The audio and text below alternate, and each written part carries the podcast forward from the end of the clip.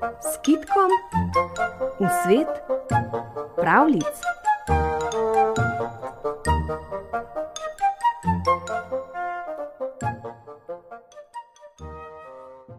Neka mati je imela tako lepo hčer, da ji v vsem kraju ni bilo enake.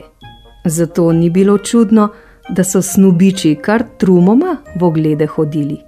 Mati pa je rekla: Kdor hoče dobiti mojo hčer, mora tako dolgo z menoj govoriti, da bom rekla: To je laž. V soseščini pa je živel gospod, ki je imel tri hlapce. Najmlajšega med njimi sta druga dva imela za bedaka.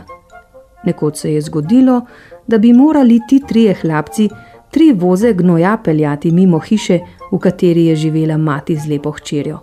Zjutraj, preden so šli na delo, je rekel najstarejši hlapec: Danes bomo gnoj peljali mimo tiste ženske. Govorili bomo z njo in jo pripravili, da bo rekla: To je laž. Celo najmlajši se je ponudil, da bo tudi on govoril z njo, a sta ga druga dva kar preslišala. Naložili so gnoj in odpeljali. Najprej, seveda, najstarejši. Pripeljal je mimo ženske, ki je bila na njivi. Dobro jutro, Bog da je mati. Kaj pa delate, mati? Zelje plevem, je rekla ženska. Zdaj hlapec ni več vedel, kaj bi še govoril. Počil je z bičem in pognal konja. Mimo je pripeljal srednji hlapec.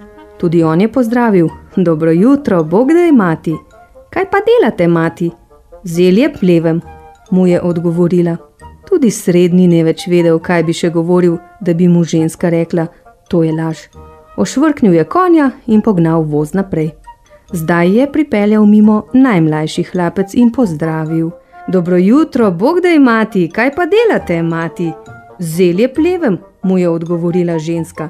Mi smo ga že zdavnaj devet kadi narezali, ji je vrnil hlapec. To je dobro, je rekla žena. Ni dobro, ker nam je vse zgnilo.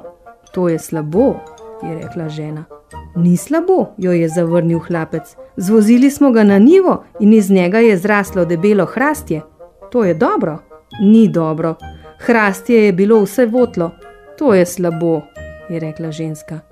Ni slabo, ker je bilo polno medu. To je dobro, je rekla ženska. Ni dobro. Prišel je medved in vsega pojedel. To je slabo. Ni slabo, se je zarežal hlapec. Ujeli smo medveda, pa smo iz njega devet kadi medu iztisnili.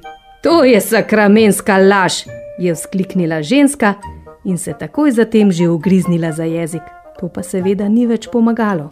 Tako je najmlajši hlapec dobil najlepšo nevesto, čeprav sta ga starejša dva imela za bedaka.